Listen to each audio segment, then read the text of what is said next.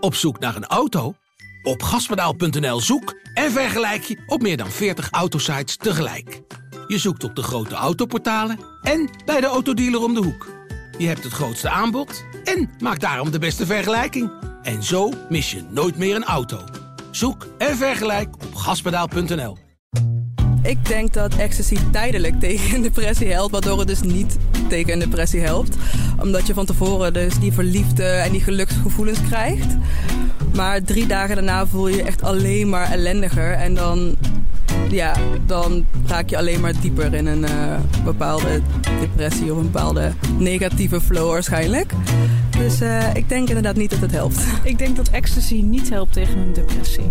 Ik denk dat het dan erger wordt. Ja, ik denk wel dat eh, ecstasy kan helpen bij depressies. Van, omdat het speelt met je hormoonhuishoud. Uh, je serotonine, dopamine wordt hersteld, wat vrij laag zit bij mensen die depressief zijn. Ik denk dat dat misschien een redenering zou kunnen zijn. Word je van spinazie nou echt sterk? En is een bruin ei ook echt gezonder dan een wit ei? Het zijn mythes die je vaak voorbij hoort komen, maar ja, zijn ze ook wel echt waar? Gezondheidsjournalist Tijn Elfrink en huisarts Rutger Verhoef hebben in hun boek Kusje erop gezocht naar de waarheid achter 70 verschillende gezondheidsmythes.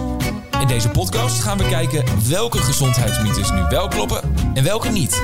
Dus welkom bij Kusje erop. Hallo en welkom bij een uh, nieuwe aflevering van deze podcast. Rutger, Tijn, leuk dat jullie er zijn. Hoi. Hoi. Uh, net zoals in jullie boek gaan we ook in deze aflevering weer een uh, nieuwe mythe onder de loep nemen. De mythe dit keer is ecstasy helpt tegen een depressie. En dat is niet zo snel gek gedacht. Hoezo niet? Nou ja, kijk, als je naar een, een jongere menigte ziet die, uh, nou ja, uh, ecstasy heeft ingenomen op een feestje, die zie je meestal lekker dansen, energiek, vrolijk. Ja. En als je dan kijkt naar mensen die een depressie hebben, ja, die hebben weinig energie, zijn somber, hebben nergens geen zin in. Dus op zich ja, is het, een beetje zoals die mensen drie dagen na dat feestje. Ja, ja, maar op zich klinkt het dan toch nog wel logisch dat uh, ecstasy iets zou doen uh, bij een depressie. Wat is uh, ecstasy eigenlijk? Nou, wat mij in ieder geval opviel op, bij de straatinterviews is dat mensen er wel heel veel van af weten. Oh ja? Het is van een, uh, van een stof die illegaal is.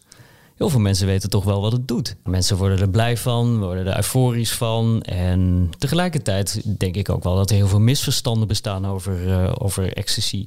Bijvoorbeeld, uh, ecstasy is hetzelfde als MDMA. Er wordt vaak gedacht dat ecstasy een combinatie is van MDMA en speed. Dat was vroeger zo, maar tegenwoordig is het gewoon hetzelfde. Oké, okay. nou, wat, wat doet ecstasy eigenlijk met je? Nou ja, ecstasy uh, die uh, brengt een soort van explosie van stofjes in je hersenen teweeg. En dat zijn met name, als we dan de hoofdrolspelers uh, kunnen noemen, dan is dat met name serotonine, dopamine en noradrenaline. Niet te verwarren met adrenaline. En uh, serotonine, dat zorgt ervoor dat je angst en somberheid minder wordt. Mhm. Mm. Plus dat je zelfvertrouwen groeit. En uh, dat je dat gevoelens van empathie en medeleven uh, ja, verhogen. Ja. En dan heb je nog de stofjes noradrenaline en dopamine. En die zorgen voor bewustwording en opwinding. En daarnaast zorgt noradrenaline nog voor ontspanning. Is er al eigenlijk onderzoek gedaan naar uh, de werking van drugs en uh, is, ja, is er onderzoek gedaan naar de werking van drugs in de medische industrie? Ja, ja. En dan uh, moeten we naar Amerika toe gaan. Daar was een man, Lee Joseph. En dat was een psychotherapeut en psycholoog. En ook nog een oud luitenant-kolonel. Okay. En die heeft in de jaren 60 heeft hij psychotherapeutische behandeling ontwikkeld. Uh, waarbij hij LSD gebruikte. Nou, uiteindelijk werd het illegaal, daar moest hij mee stoppen. Toen kwam hij in de jaren 70 in aanraking met twee scheikundigen. En die gaven aan van, ja, goh, je zou ook nog kunnen kijken naar MDMA, dus ecstasy. Hij noemde de eerste MDMA, dat stofje, en Adam, omdat mensen in een staat van onschuld verkeerden als ze het gebruikten. Okay. En later uh, werd het ook gebruikt uh, in de party scene en toen werd het ecstasy, dus extase. Ja, oké. Okay. Dus ecstasy genoemd. is eigenlijk gewoon een feestnaam dan, of niet? Ja, klopt, partynaam, ja. Ja, ja, precies. En en ja, toen het dus in de party scene werd gebruikt, werd dat ook illegaal. Moest hij er ook mee stoppen.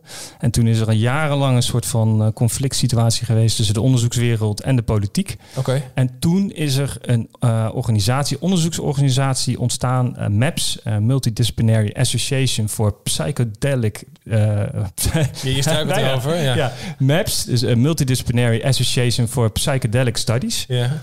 Ehm, en ja, die zijn tot op heden eh, degene die eh, de meeste klinische tu- studies doen naar eh, het gebruik van drugs in de gezondheidszorg. Oké, want als je het dan dus vergelijkt, hè, de mythe is dus ecstasy helpt tegen een depressie. Is er dan ook al echt onderzocht met ecstasy of MDMA in een depressie en wat daar dan de, de effecten van zijn of niet? Nou ja, die organisatie MAPS, die zijn dus met eh, klinische studies bezig. Oh, daar zijn ze nu mee bezig? Ja. Ah, oké. En eh, eh, wel bij mensen met PTSS, posttraumatische stressstoornis. Ja, En, en dat zijn ja, hoofdzakelijk oorlogsveteranen. ja.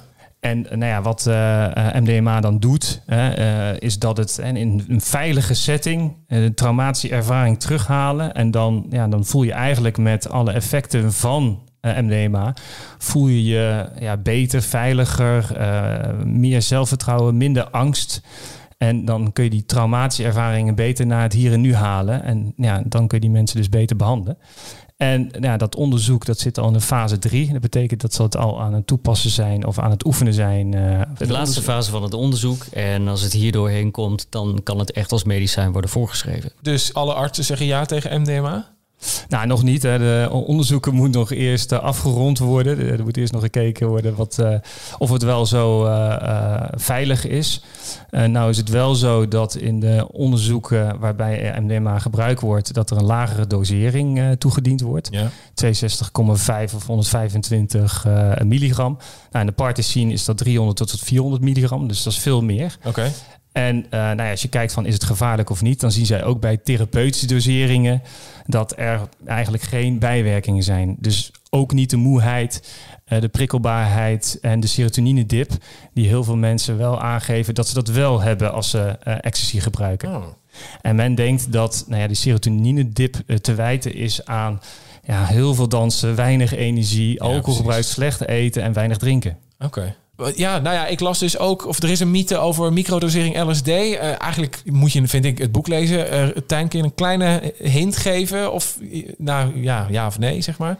Ja, het is heel moeilijk om dat uh, te microdoseren. Je moet het dan uh, moet je LSD gaan oplossen in een vloeistof en dan moet je echt een paar druppels per dag nemen. En er zijn zeker mensen die zeggen die dat hebben gedaan, dus die zeggen dat ze daar iets van merkten. Maar tegelijkertijd, ja, een simpele e-mail schrijven aan een, uh, aan, aan, een collega of zo, dat was al een stuk moeilijker. Okay. Maar vrolijk stofzuigen, dat zat er wel in. Nou, wil je daar meer over weten? Check dan vooral het boek. Even voor nu afsluitend. Conclusie: helpt ecstasy tegen een depressie? Ja, dat kan, uh, maar verder onderzoek nodig. Oké. Okay. Ja.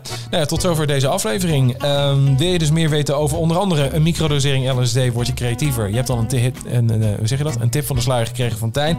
Uh, maar ook van, ja, weet je, stromend water, moet je daarvan plassen? Dat staat onder andere ook in het boek. Dat heet ook Kusje erop, net als deze podcast.